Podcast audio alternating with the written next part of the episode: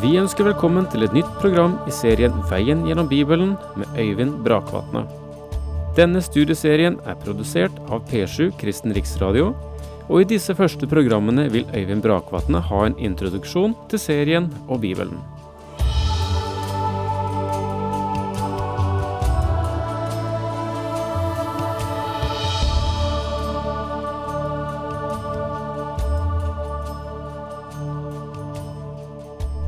Da vi stanset sist, så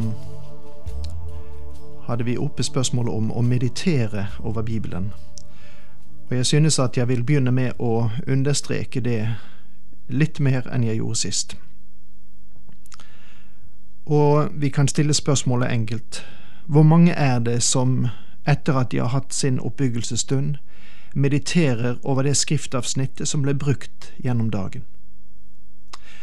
Jeg har inntrykk av at de fleste mennesker leser det, og så glemmer det, og aldri tenker på det igjen før de kanskje en gang senere blir gjort oppmerksom på dette ordet. Eller om de leser det på kvelden, hopper i seng så fort de kan, slukker lyset og sovner og glemmer det hele.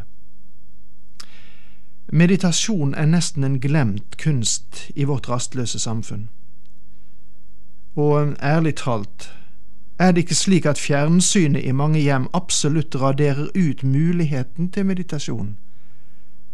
Den boksen forandrer det åndelige liv for mange mennesker og familier i dag, og jeg undrer på om ikke en av årsakene til at våre menigheter blir mer kalde og mer likegyldige til Guds ord, skyldes at det er mangel på meditasjon over ordet fra Herren. Husker du den etiopiske hoffmannen i apostelgjerningene kapittel åtte som kjørte av gårde i sin vogn mens han leste profeten Jesaja? Han studerte faktisk Jesaja fordi i det, i det skriftet var et avsnitt som han hadde vanskeligheter med.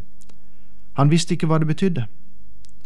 Her er altså en mann som leste og studerte, og Guds ånd vil åpne Guds ord for ham. Det var derfor Den hellige ånd fikk Philip dit for å forklare dette kapitlet for etiopieren. Det åpnet en ny verden for ham, og han fikk kjenne Kristus. Skriften sier at han reiste sin vei med glede. Hva fikk ham til å glede seg? Han mediterte, mine venner. Han leste om igjen og om igjen det, dette 53. kapittelet hos profeten Jesaja. Har du noensinne meditert over det lam som ble ført bort for å slaktes? Hvem var han? Han kom ned hit og identifiserte seg selv med oss som hadde fart vill som sauer og vendt seg hver til sin vei, og Herren hadde lagt på ham straffen for oss alle. Hvor ofte mediterer du over disse tingene?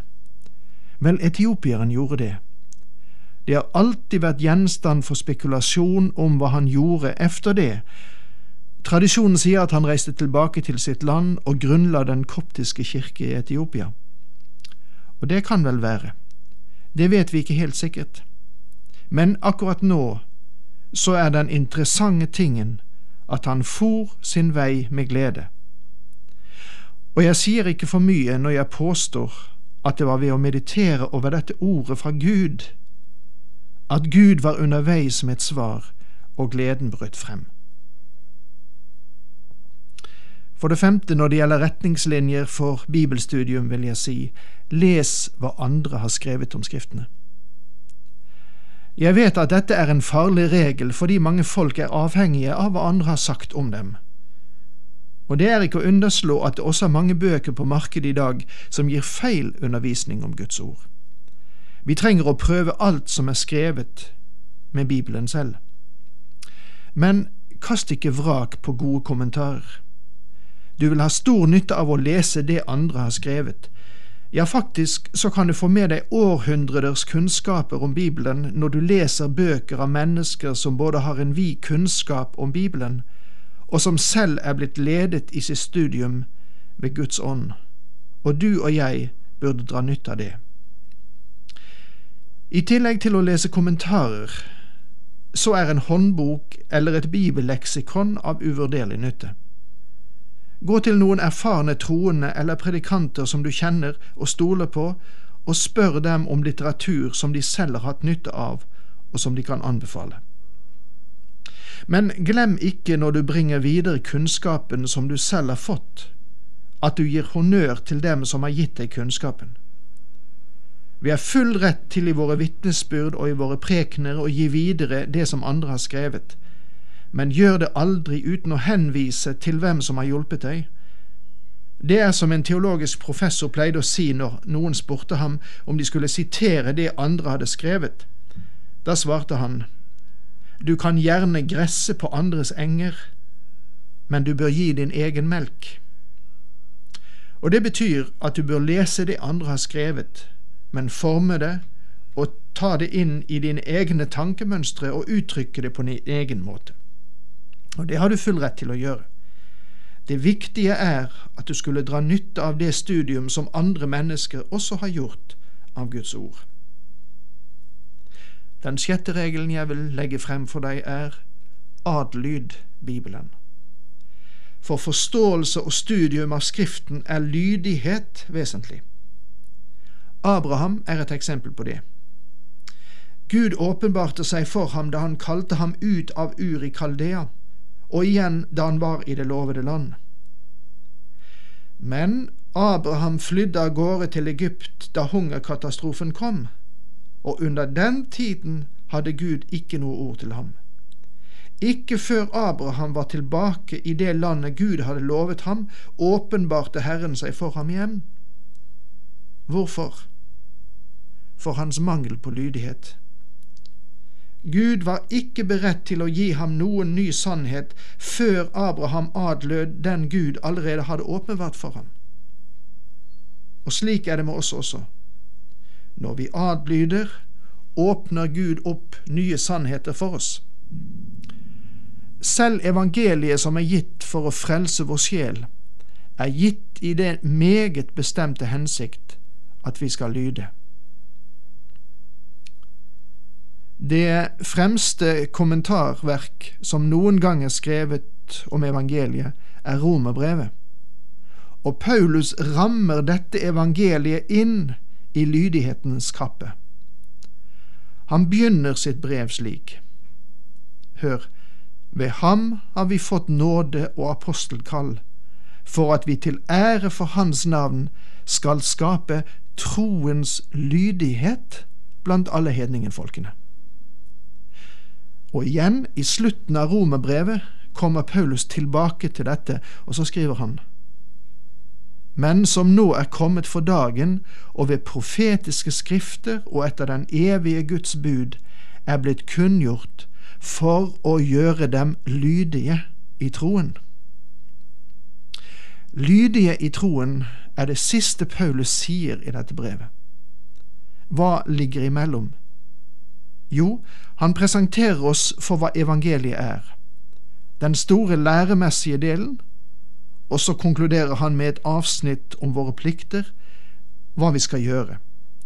Altså, Paulus innrammer evangeliet i rammen som kort kan kalles for lydighet. Lydighet mot troen. Det var her Adam og Eva spurte av.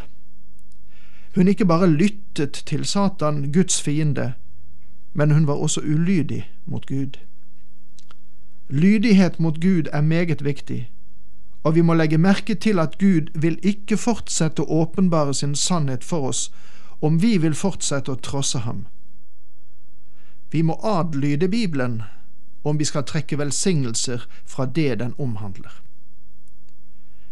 Lydighet er også viktig fordi det er andre mennesker som måler kristendommen ved deg og meg.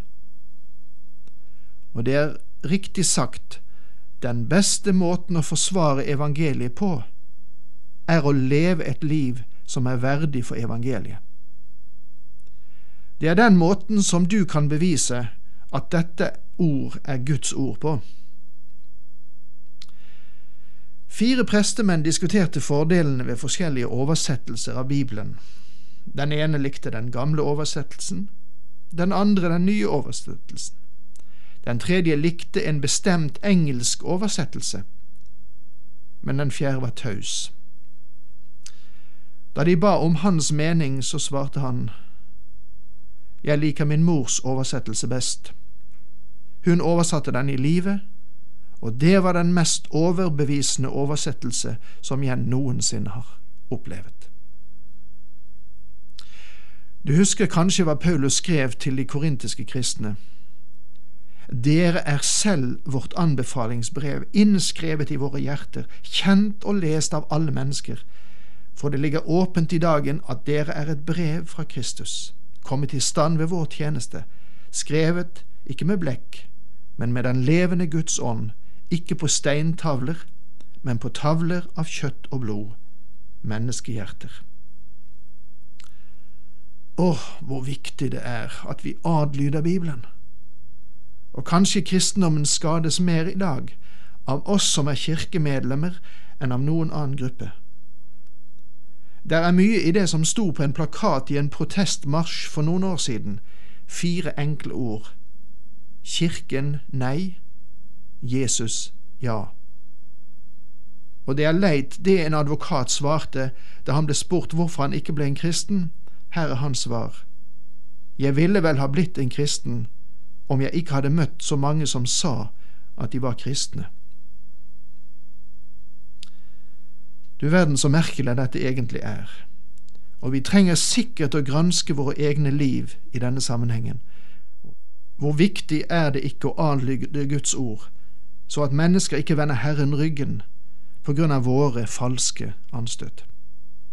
Og så, til sist, gi ordet videre til andre. Les ikke bare Bibelen, eller studer den, eller meditere over Bibelens ord, eller les det andre har skrevet om den, men gi dette ordet videre til andre. Det burde vi alle gjøre. Du vil aldri komme til metningspunktet i studiet av ordet før du deler det med andre. Gud vil av visse årsaker ikke la deg trekke deg selv tilbake fra menneskeslekten og bli et slags omvandrende bibelleksikon, en som kjenner alle ting, mens vi andre er uinformert.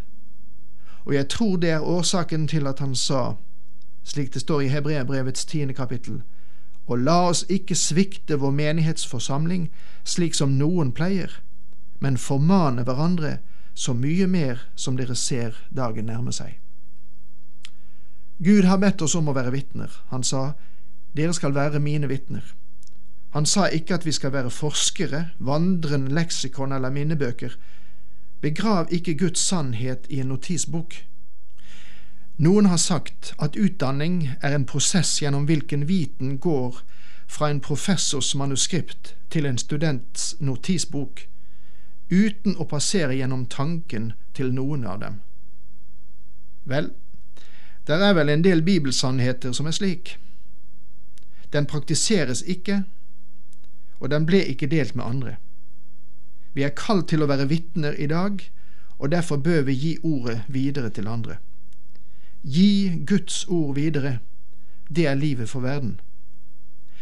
La oss da summere opp de syv grunnleggende retningslinjene som vi bør følge når vi tar fatt på studiet av Guds ord. Først begynn med bønn. Deretter les Bibelen. Så studer Bibelen. Deretter mediter over Bibelen. Les videre det andre har skrevet om Bibelen. Deretter må du adlyde Bibelen, og så gi den videre til andre.